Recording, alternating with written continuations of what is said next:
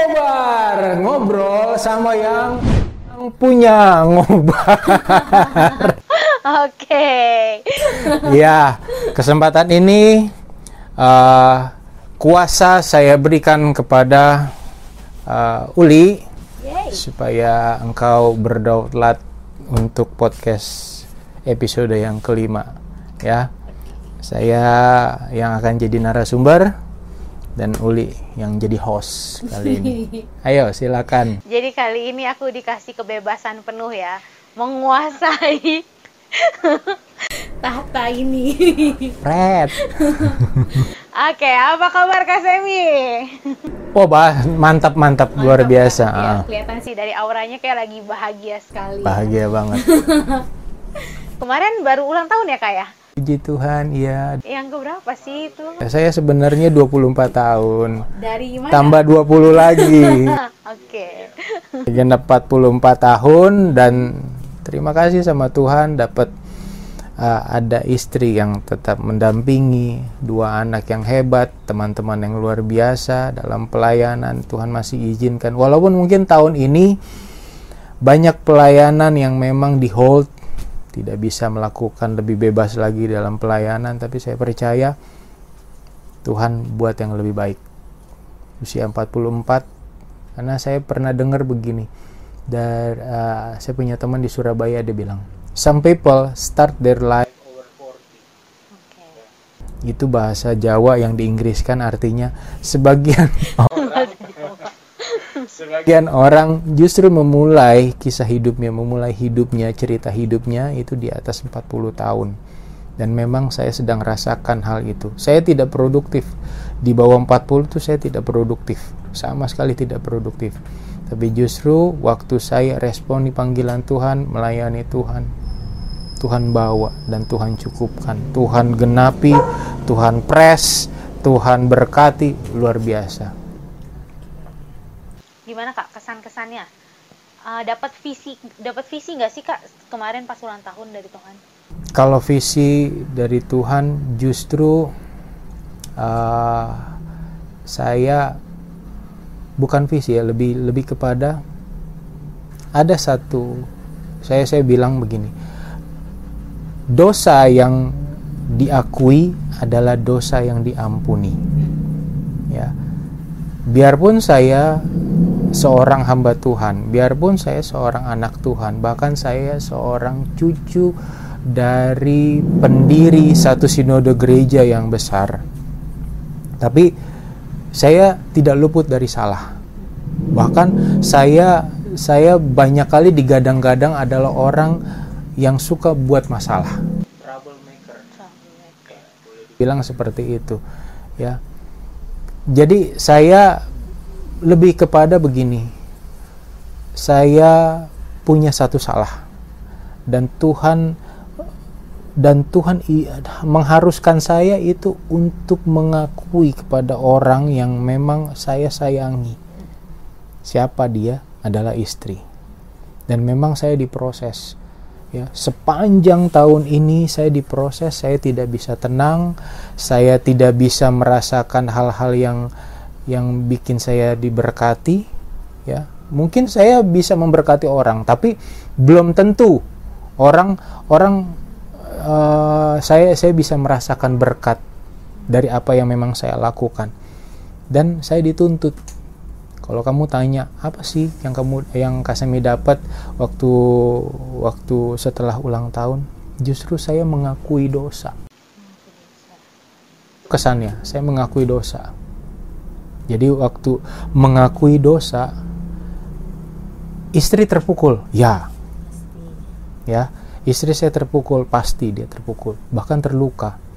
Tapi satu sisi saya saya punya bapak rohani Kasem itu punya bapak bapak rohani. Dia bilang begini kalau kamu mau potong potong buntut anjing jangan potong sedikit sedikit jangan potong setengah setengah langsung potong semua das memang sakit terluka itu akan jadi lebih baik buat dia daripada harus seperapat dipotong tambah lagi seperempat, nanti baru berapa bulan kemudian. Nah itu yang saya lakukan. Justru saya potong tuh sepertinya setengah-setengah, tanggung-tanggung. Tapi saya bilang sama Tuhan, Tuhan kasih saya kekuatan. Supaya saya bisa bebas mempermalukan si iblis, si bolis. Ya. Kan banyak ya Kak, kalau misalnya kita udah ngaku nih dosa kita, sering kali kita jadi merasa terintimidasi gitu. Mm-mm. Kalau kita mau memberitakan firman kayak ah lu sok suci lu, lu masih ada dosa gitu. Kak Semi pernah nggak sih ngalamin yang namanya intimidasi itu? Oke, pertanyaan menarik ini.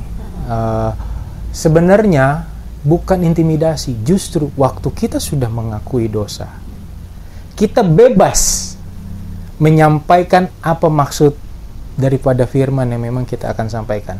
Kita bebas bersaksi, kita bahkan bisa lebih lebih maksimal. Ya, seperti kamu bilang auranya, pertama tadi bilang auranya aura yang bahagia, diberkati. Iya. Benar, karena memang waktu kita ada di dalam ikatan dosa, kita terkungkung. Mau ngelihat muka kamu pun, padahal kamu nggak bikin nggak bikin salah apa-apa gitu ya. Eh, tapi waktu ngelihat muka Uli, aduh kayaknya saya ada rasa bersalah nih sama Uli nih. Ngelihat mukanya Koni, aduh kayaknya gue bikin salah nih. Kayak ada tertuduh terus, padahal nggak bikin salah apa-apa sama Koni, sama Uli enggak. Tapi waktu dosa itu di, di diakui itu bukan mempermalukan diri sendiri, bukan mempermalukan Koni, ber, eh bukan mempermalukan Uli atau mempermalukan Koni tidak, tapi justru kita mempermalukan iblis. Karena kita mau melakukan hal yang baik, hal yang benar.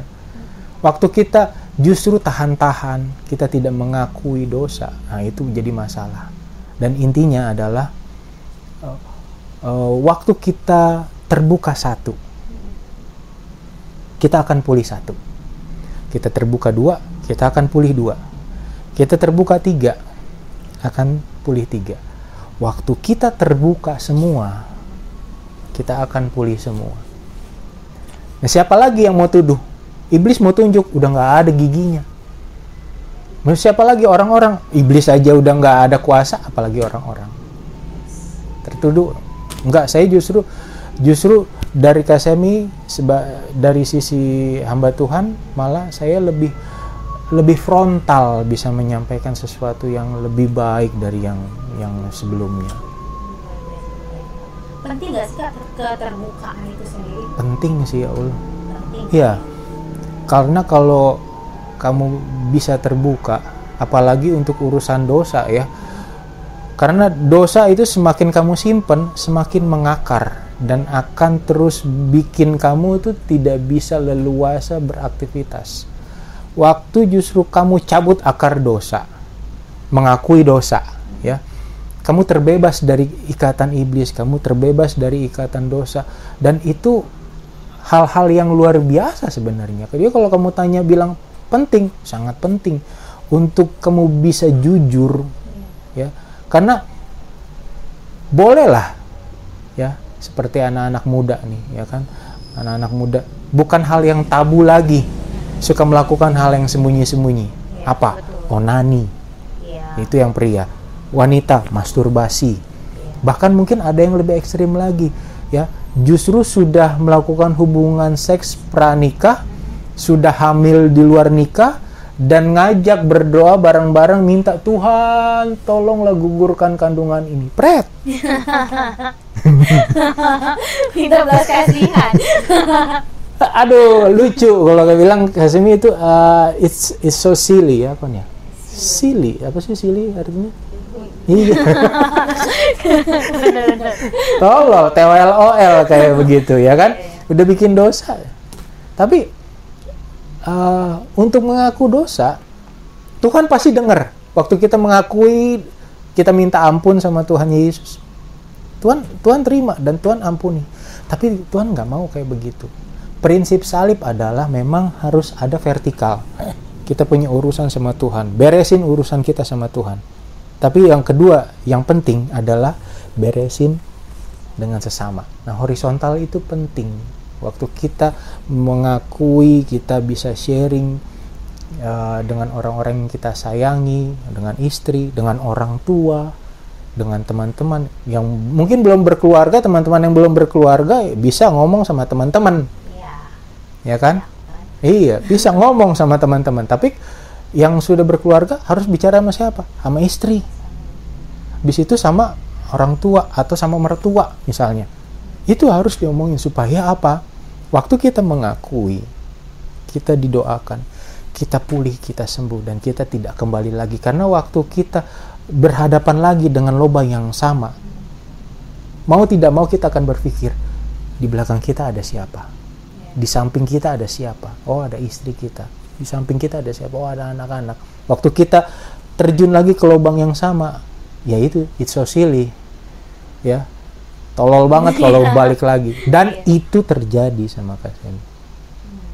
Kalau mau dibilang lebih lebih bodoh lebih bego dari keledai saya. Malu? Enggak saya nggak malu. Karena itu yang terjadi.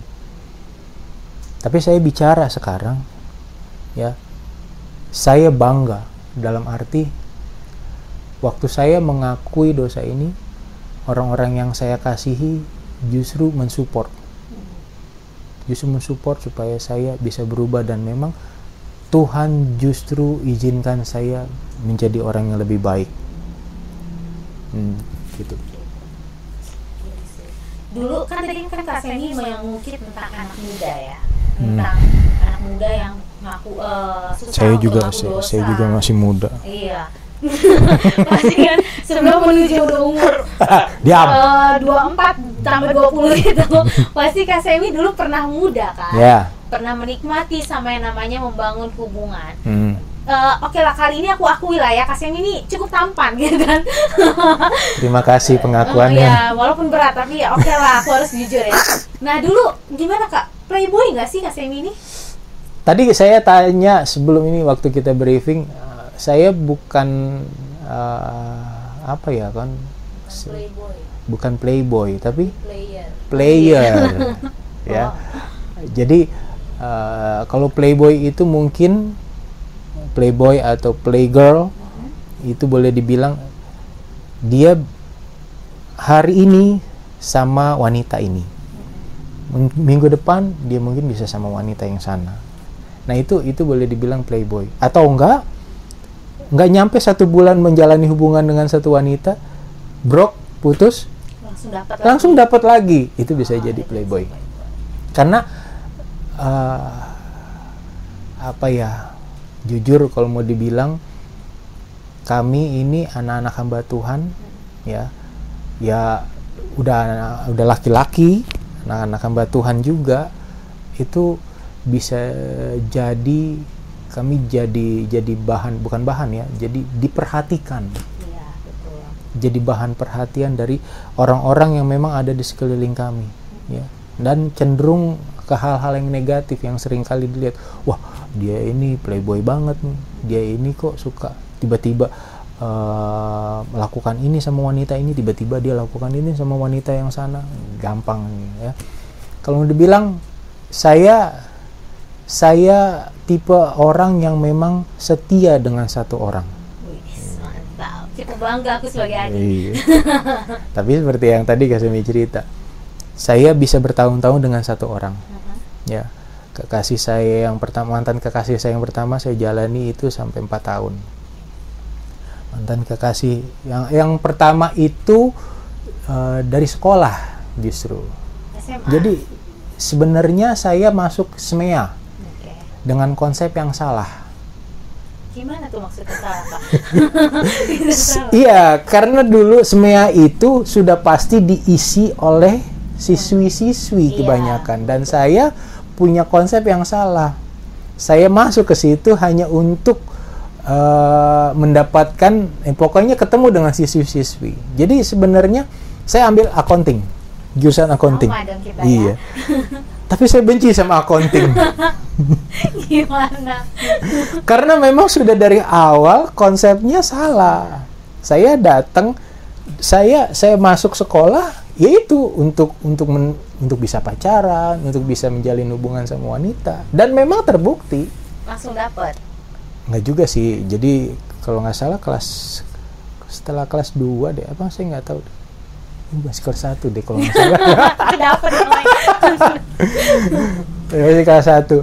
Tapi saya jalani itu lama sampai setelah lulus sekolah masuk kuliah kerja itu masih saya jalani sama dengan dengan wanita yang sama. Lalu eh, tidak bisa dipertahankan masuklah dengan wanita yang mantan kekasih saya yang kedua itu satu tim musik di gereja nggak usah gereja nggak usah ngomong gereja mana ya Iya. satu tim musik saya jalani sama dia sekitar enam tahun Lama ya, Kak. Brook juga dan uh, ada sih yang memang uh, bunga-bunga mantan. Bunga mantan. apa, ya? apa yang boleh bilang bunga-bunga mantan ya? Jadi uh, ada yang memang saya jalani hubungan sama orang satu tahun. Itu sih nggak masuk hitungan kalau yang satu tahun gitu ya. Saya masih anggap ya itu uh, baru membangun tiba-tiba gagal. Nah, itu saya bagi saya kalau kalau cuma satu tahun itu masih ya udahlah itu masih teman-teman biasa lah belum belum Ini kenangannya udah ada. Iya. Iya, Ya. player memang ya. terus dan yang memang uh, berkesan bukan berkesan sih jadi ada ada saya menjalani hubungan sama satu orang wanita justru orang orang muslim. Oh, pernah juga sama orang muslim? Yes. Saya jalani sama dia itu eh, sekitar tiga tahun. Ya. Dan uh, saya saya punya pelayanan terlibat dengan satu pelayanan penginjilan kontekstual nih sekarang nih. Ini berkaitan dengan sekarang saya tarik saya bawa dulu nih ya Uli teman-teman yang mendengar kesaksian ini. Saya bawa dulu ke cerita yang sekarang. Saya terlibat dalam satu pelayanan penginjilan kontekstual yang namanya uh, pelayanan persaudaraan Ibsama Ibrahim Ishak Ismail. Jadi uh, interdenominasi gereja bahkan kita uh, banyak banyak menjurus ke orang-orang yang di luar di luar Tuhan. Kita banyak menjangkau mereka ngobrol berbicara mengenai mengenai Tuhan sama mereka ngobrol uh, membahas uh, kitab-kitab yang ada ya. Tapi tidak jauh dari dari situ sebenarnya yang saya mau sampaikan adalah saya pernah menjalin hubungan dengan satu orang wanita muslim yang satu persen lagi ya saya itu meninggalkan kepercayaan yang lama. Ya. Eh meninggalkan kepercayaan saya yang sekarang untuk masuk menjadi seorang mualaf. Iya. ya. Satu persen lagi saya berencana untuk berangkat sama dia ke Bali. Ya kamu tahu lah di Bali itu kamu benar-benar bebas kan? Semua kebebasan itu ada di sana bebas menikah eh, waktu dilarang sama orang tua kamu Larinya ke Bali. lari ke Bali pernikahan sejenis pun ada di Bali Iya. sampai pernikahan beda agama pun di Bali. Nah, kami mau lakukan di sana. Gitu loh. Waktu kami mau lakukan di sana, hapus identitas, tinggalkan orang tua, tinggalkan keluarga, tinggalkan pelayanan. Sudah niat mau pergi, tiba-tiba karena memang kuasa doa itu, saya ditarik sama Tuhan, dikembalikan seperti yang tadi kita briefing dari posisi yang minus dikembalikan ke sisi ke posisi yang nol. Ya, kenapa nol? Karena di depan di depan kita sudah pasti ada Tuhan satu. Semakin kita nol, semakin kita kosong, semakin kita bernilai, semakin kita punya harga. Jadi kalau mau dibilang kita kita ini berharga di mata Tuhan, ya di mata Tuhan kita berharga. Ya. Pada dasarnya kita nggak ada harganya. Tanpa Tuhan kita tuh nggak ada harganya. Makanya kita minus. Tapi waktu kita bernilai Tuhan selamatkan Kasemi Tuhan bawa Kasemi dan memang akhirnya saya oh iya ya banyak orang seperti saya dan memang Kasemi sangat senang untuk bisa hadir ke, ke kehidupan anak-anak muda yang punya kisah hampir sama seperti Kasemi itu eh, sama orang sama ke- mantan kekasih saya orang muslim ini. Ya dan puji Tuhan saya tidak jadi orang mualaf. Ya saya mempertahankan iman saya dan saya percaya di luar sana teman-teman muda banyak seperti saya. Iya, banyak. punya pergumulan sama seperti saya. Mm-mm. ya kalaupun memang kamu pengen banyak tanya silahkan nanti eh, akan ada admin ya bisa bisa bisa nanti di di bawah. Saya nggak tahu di, di bawah mana lain nanti kita kita sampaikan ya. Supaya teman-teman mungkin bisa WhatsApp bisa DP ya apa sih benar DP apa, apa sih DP bukan down, bukan down payment ya apa sih DM DM, DM IG, Kak. Duh, duh. Maklumlah 44 ya. Bisa DM ya. Silakan DM. Dan itu boleh. Maksudnya banyak karena saya percaya akan banyak pertanyaan untuk masalah seperti ini. Betul. Karena karena kalian sudah berbicara hati. Sudah berbicara hati. Akan akan banyak pertanyaan keluar begini. Waktu saya ini orang orang Kristen, orang Nasrani. Tapi kenapa kok justru lebih banyak eh, lebih memperhatikan orang yang di luar Kristen yang memperhatikan saya daripada orang Kristen sendiri, apalagi pasangan saya. Paham nggak? Jadi waktu saya menjalin hubungan dengan orang orang di luar Kristen, orang Muslim lah, dia itu lebih sangat care sama saya. Kenapa kok orang Kristen enggak? Oh, iya. Gitu loh. Iya banyak kayak gitu. Banyak ya. kayak Jadi begitu. Dilema ya kayak. Dan itu sebenarnya ada ada rencana tersendiri, ada ada ada doktrin tersendiri yang memang sudah ditanamkan sama mereka supaya ya udahlah mengikat kita sampai akhirnya kita nih tidak tidak bisa melepaskan diri dari mereka. Iya. gitu Karena kenyamanan, Kakak. nih. Bisa jadi. Bisa jadi. bisa jadi itu satu alasan kenyamanan. Tapi ada banyak faktor.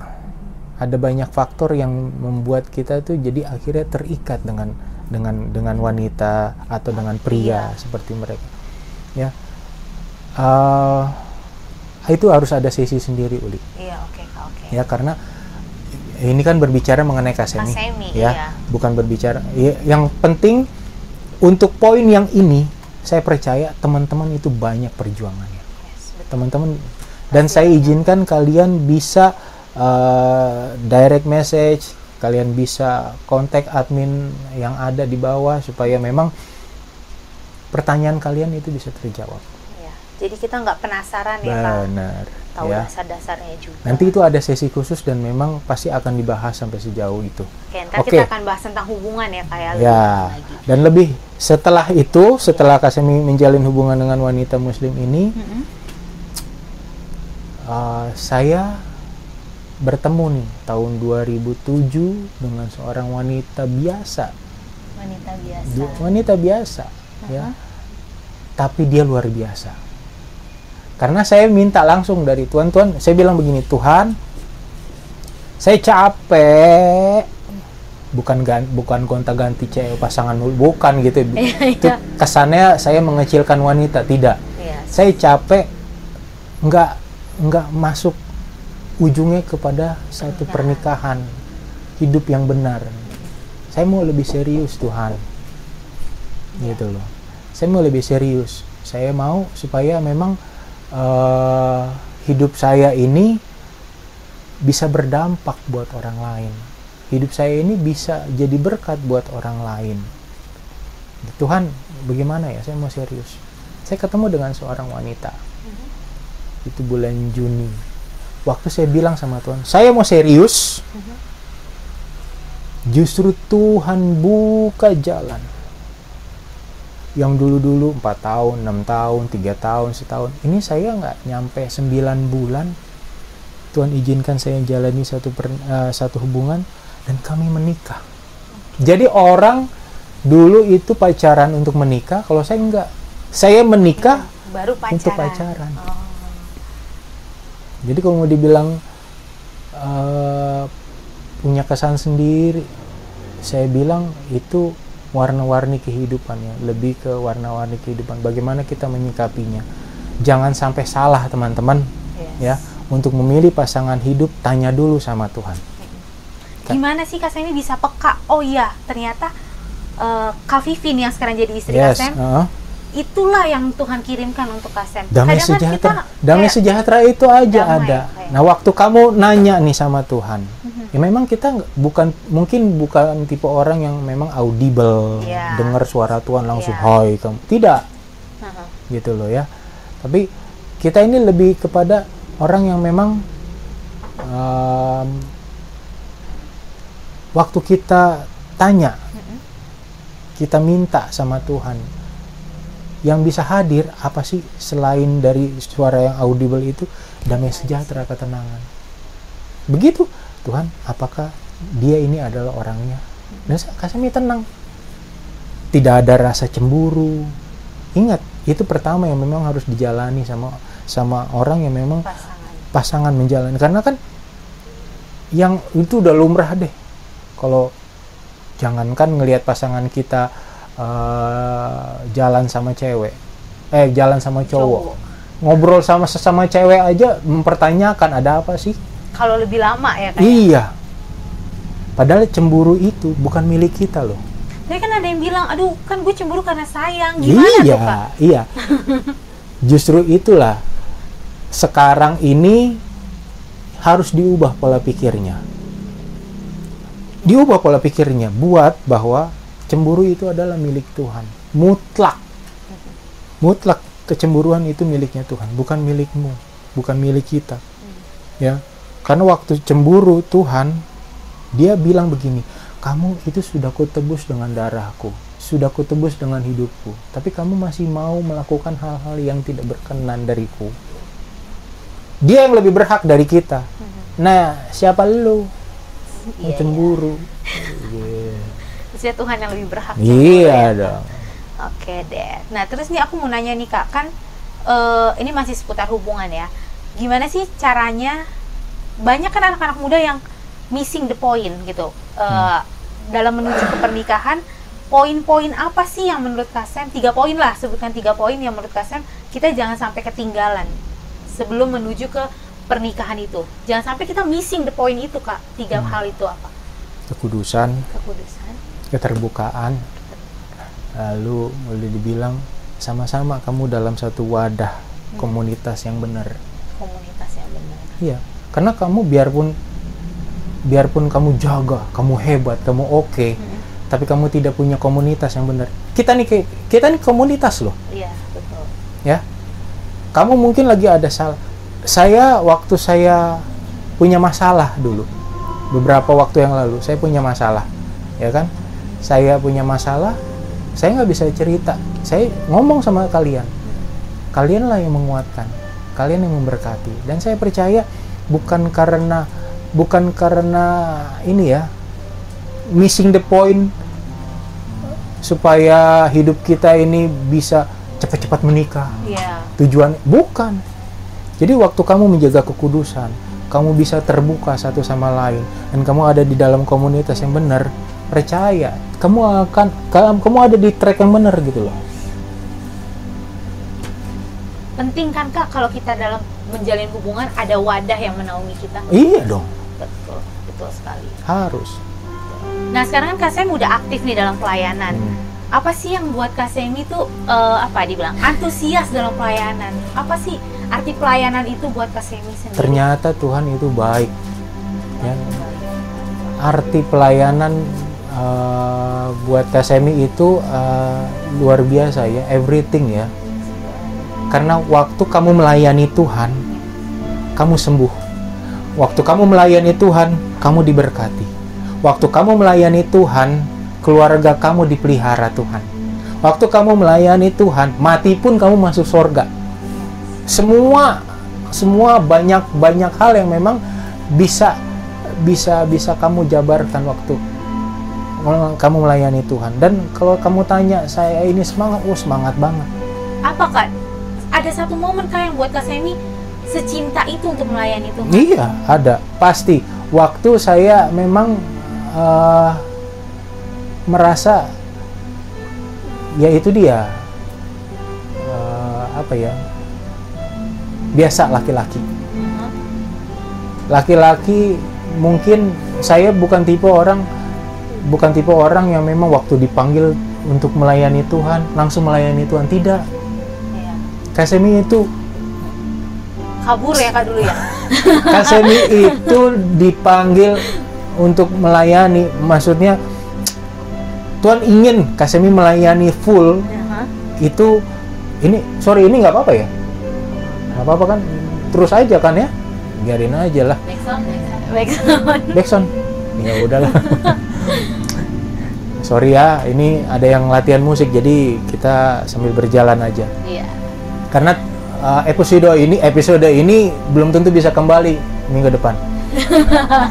Tuhan ingin Kasemi itu dari usia 16 tahun saya melayani Tuhan. 16 tahun. Hmm. berapa lama pelariannya kak pelarian kalau bangsa Israel itu 40 tahun. Iya. Kak Sam nggak nyampe segitu kan? Enggak tapi Kasemi ini eh, waktu 2014 saya meresponi panggilan Tuhan. Hmm. meresponi melayani Tuhan dengan penuh usia eh, tahun 2014 jadi kalau dihitung-hitung ditarik mundur sampai ke usia saya 16 ada sekitar 24 tahun saya berputar-putar di padang gurun. Berputar-putar. Cuman banyak hal yang memang terjadi, banyak proses Tuhan terjadi saat itu. Dan bagi saya itu gift tersendiri karena justru banyak orang kondisinya, hidupnya hampir sama dengan saya. Jadi waktu orang bertanya seperti ini, anak-anak muda bertanya seperti ini, orang tua bahkan yang bertanya seperti ini, saya bisa jawab. Karena saya 24 tahun itu jalanin itu proses Tuhan itu iya. panjang. Iya betul. Jadi, Karena- waktu menyampaikan kebenaran firman waktu menyampaikan kabar kabar kabar kabar firman itu saya banyak sisipkan pengalaman-pengalaman pribadi yang yo ini ini loh berkat berkat tersendiri dan itu bagi saya powerful waktu orang bisa mendengar, bisa menerima, bahkan mereka bisa menjalani apa yang memang saya sampaikan, firman yang bisa dipertimbangkan untuk bisa masuk mereka jalankan, itu berkata sendiri buat KSM. Kadang kan eh, aku kayak punya ekspektasi lebih gitu kan sama Kasem kayak nggak mungkin deh udah cucu gembala anak gembala masa iya dia masih mau lari-lari? Karena kan pasti udah mateng kan pengenalan akan firmannya gitu. Iya. tapi ternyata pernah lari juga gitu ya kayak Saya Kasemi ini nggak mau, kenapa bisa nggak mau nggak mau, nggak mau karena memang pernah tahu hidup jadi seorang hamba Tuhan tuh bagaimana gitu ya. Jadi memang benar-benar mengandalkan Tuhan. Be- Benar-benar mengandalkan Tuhan dan ini Kasemi rasakan sekarang ini. Jadi pernah sering kali Kasemi bilang, lakukan bagianmu dan Tuhan akan lakukan bagiannya. Itu Kasemi rasa sekarang. Nggak mudah ternyata iya nggak mudah lakukan bagianmu sekarang ini gue lakukan bagian gue nih balik lagi ke pertanyaan awal ya mengaku dosa penting nggak penting. Kasih ini mengaku dosa sama istri. Berat berat. Dia terluka terluka. Kasemi nggak pandang dia itu uh, anjing dipotong buntut. Bukan. Cuman memang waktu kita mengaku sama orang yang kita sayang orang yang kita sayang pasti terluka. Pasti. Pasti.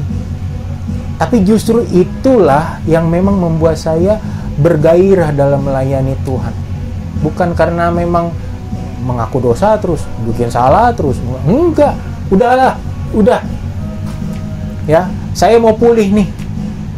Biar Tuhan yang jadi saksi. Ya sekarang saya mau melangkah. Saya sudah lakukan bagian saya Tuhan. Tinggal Tuhan sekarang lakukan bagian Tuhan. Sekarang mau ditanya Kasemi bagaimana hidup? Ayo gimana kak? Gaji gaji Kasemi itu 30 loh.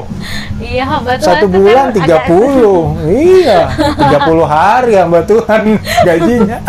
Iya dalam gimana satu gitu bulan 30 hari. Tapi itu yang Kasemi rasa. Nggak ada. Masih bisa makan lah Uli. Masih bisa makan ya. asal ada makan dan minuman kata firman Tuhan cukuplah itu. Ya nggak minta yang lebih. Tuhan eh, ya memang doa Bapak kami itu benar-benar digenapi. Iya. Berilah kami makanan pada hari ini yang secukupnya bukan yang selebihnya. Dan cukup kami bisa makan bisa hidup. Ya. Dan kalaupun memang Tuhan izinkan satu kali waktu ya kami nggak hidup kontrak lagi. Lebih baik kami bisa punya rumah. Itu cukup buat kami. Itu itu maksudnya itu kan itu impian itu kerinduan. Tapi terserah mau kami tidak punya rumah sekalipun tapi kami sudah punya kafling di sorga kami punya tempat di sorga Yes. Positive thinking ya. Imannya kayak gitu luar biasa. Aduh. Gimana ya dibilang? tapi nggak muluk-muluk mau punya rumah mau Mau pasti. muluk-muluk setiap orang ditanya perlu kendaraan nggak perlu anak-anak perlu pendidikan yang baik nggak bagus paling bukan terbaik mungkin ya tapi baik ya ini ada ada guru lah ya. Koni itu guru. Dibilang baik ya udah yang penting cukup gitu loh. Ya yang penting dia didasari oleh firman. Anak ini didasari oleh firman majulah.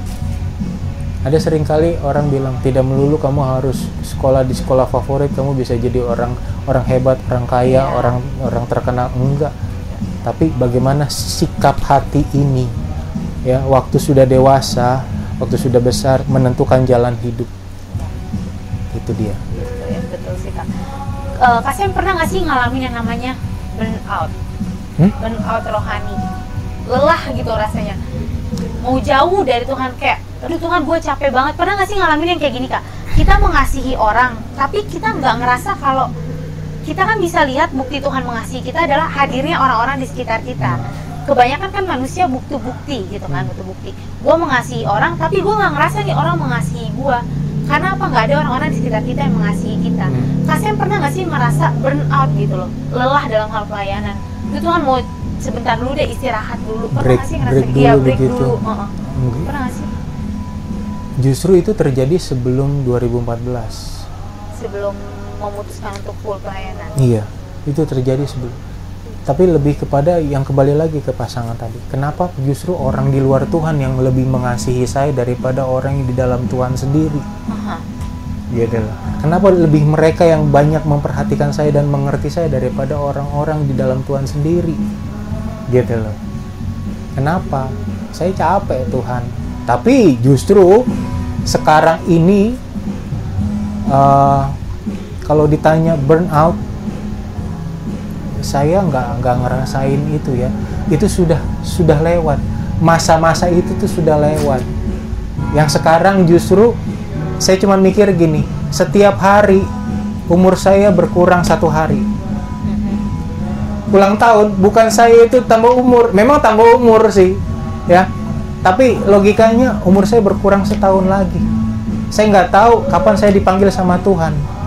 Tapi saya nggak mau waktu saya dipanggil Tuhan, justru saya saya melakukan hal yang tidak berkenan, malah saya ditolak sama Tuhan. Bukan semua orang yang memanggil nama Tuhan, Tuhan akan masuk kerajaan sorga.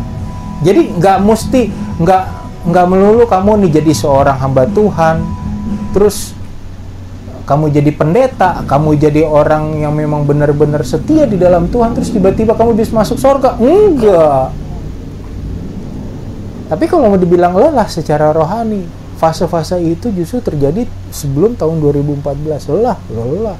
Karena 24 tahun muter-muter di padang gurun, mau dibilang lelah, woi capek. Males. Lebih banyak itu kayak kayak kok begini ya kondisi gue ya. Kayaknya nggak nggak nggak beres-beres. Hidup segan mati tak mau. Tapi justru waktu kita menyerahkan hidup kita, totalitas kita penuh kepada Tuhan, ya itu kembali lagi saya bilang, aku sudah lakukan bagianku Tuhan, sekarang sudah terserah. Urusan Tuhan selebihnya. Nah sekarang apa yang Tuhan mau dari Uli, dari Koni, lakukan aja. Selebihnya itu udah urusan Tuhan. gampang kak kalau untuk kita ngomong untuk berserah penuh kan ya tapi kenyataannya tuh kadang kayak realita hidup susah untuk kita Kayak- mendilkan itu ya nggak sih coba ambil tisu.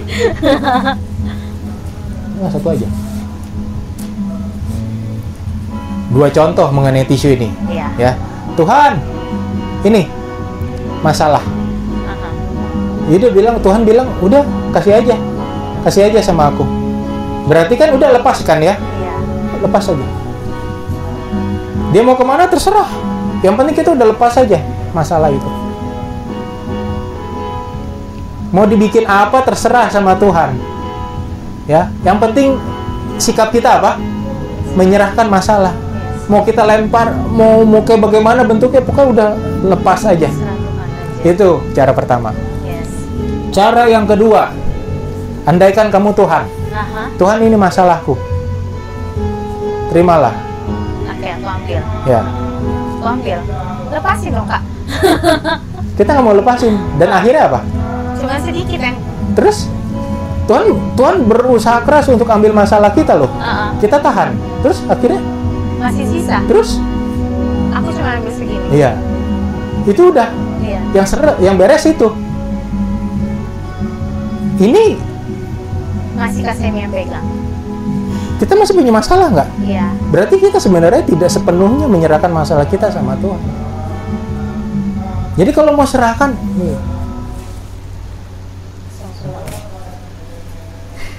Plong gitu ya, Kak ya, langsung. Terus. memang sulit, sulit. Apalagi itu dosa. Kalau saya tanya, sekarang saya tanya balik sama kamu sebagai yang punya pot- eh, yang yang diberi kuasa milik eh, menjalani podcast hari ini, Boleh. ya. Dosa enak gak? Enak Kak Sem. Nah itu, itu dia. Kalau dibilang enak dosa, dosa itu enak. Mau kamu dosa, dosa menipu ke, kamu dosa mencuri ke, kamu dosa mengingini kepunyaan orang lain, mengingini istri orang lain, mengingini suami orang lain, ya dosa onani, dosa masturbasi, dosa pikiran, enak, enak semua itu yang namanya dosa itu enak, ya. Tapi tidak ada dosa putih, dosa hitam, dosa kecil, dosa besar. Dosa adalah Dosa. dosa. Dan dosa itu bukan sekedar masalah. Dosa ya tetap dosa. Tepatnya di mana?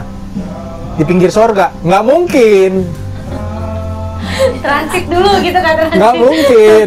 Dosa mau putih besar, eh putih, hitam, kecil, besar, tetapi tempatnya Maut. di neraka. Yes. Neraka ada nggak? Ada. Ada. Kalau kamu mau tahu sorga neraka, mau tahu nggak? Di mana, Kak? Ya kalian menikah cepet-cepet. Bisa lihatnya di situ ya. Iya. Kalau kamu mau lihat sorga, libatkan Tuhan di dalam pernikahanmu. Di situ kamu akan nikmati sorga. Biarpun berat, tapi kamu akan nikmati sorga di sana. Tapi kalau kamu tidak libatkan Tuhan dalam pernikahanmu, yang ada setiap hari apa? Neraka.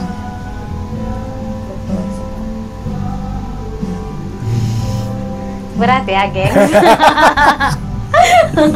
Yang ada neraka ya. Aduh. Ternyata tuh eh, hidup untuk pelayanan tuh nggak semudah itu ya kayak untuk kita mau Sebenarnya mudah sih. Sebenarnya kita nggak kompromi sama dosa Kak. itu untuk anak-anak muda Ya, apa sih supaya itu dia. dasarnya yang kasih Nah itu dia kita? dasarnya seperti yang tadi kamu tanya ya untuk menjalani sesuatu. Kamu tanya tadi apa sih komitmen-komitmen apa sih supaya Iya. memang kita bisa terjaga uh, murni tulus. Ya sudah. Kalau kamu mau sukses dalam menjalani hubungan, kamu mau hidup benar dengan pasangan kamu atau sama semuanya, kamu harus jaga kekudusan. Karena kekudusan itu bisa terjadi eh, apa ya kenajisan bisa terjadi bukan dengan pasangan pun itu bisa terjadi. Hal yang najis. Ya bisa. Jadi eh, menjaga kekudusan itu bukan cuma dengan pasangan aja tapi dengan teman-teman kita harus jaga kekudusan juga. Oh, ya terus kamu harus terlalu selalu terbuka. Terbuka dengan siapa? Dengan orang-orang kita sayang dengan orang tua dengan dengan dengan hamba Tuhan dengan gembala. Supaya memang waktu keterbukaan ini ya bukan diumbar sih ya. Iya.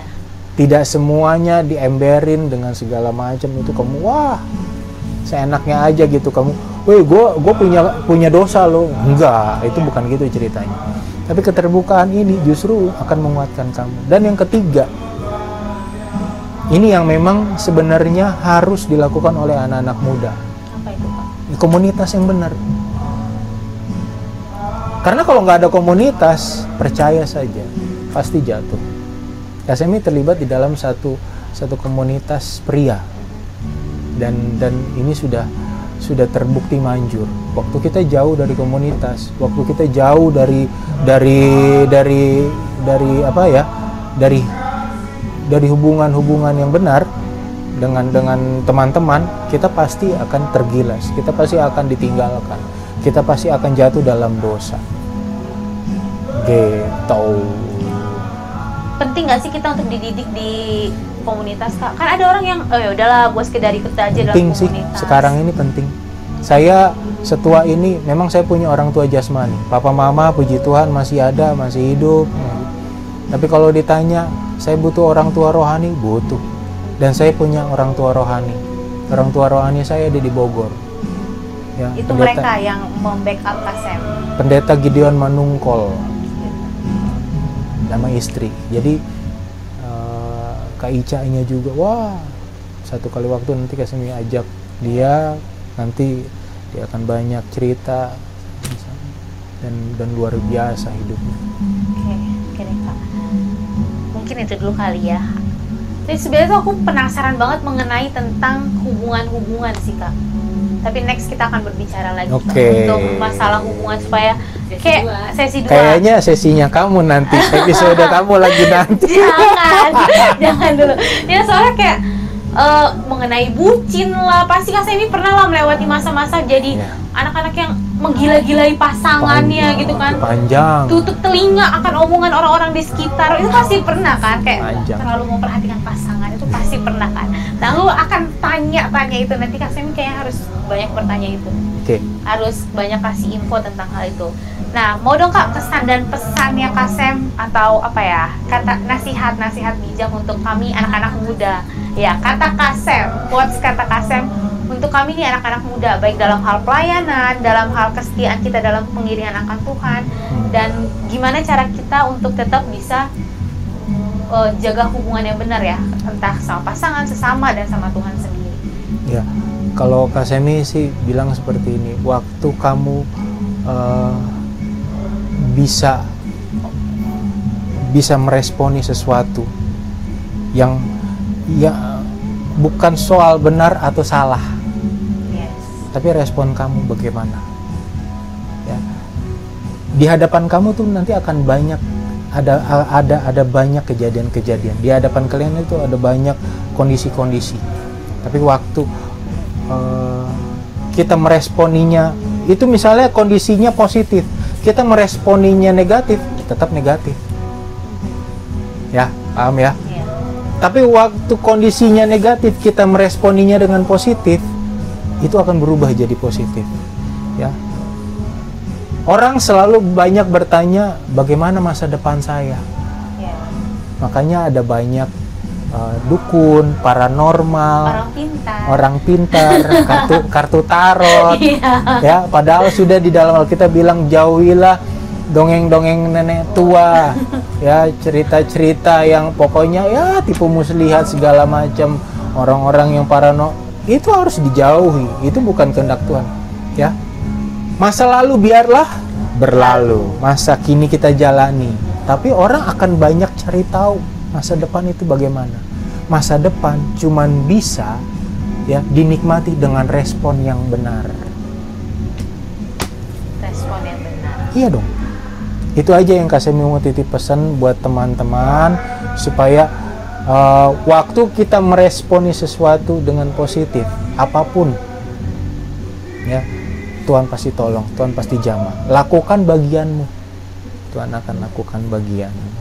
Asik. Tuhan yang Oke. akan tuntaskan. Thank you Nikoni, thank you Uli sudah jadikan saya Orang yang siap untuk ditanya-tanya.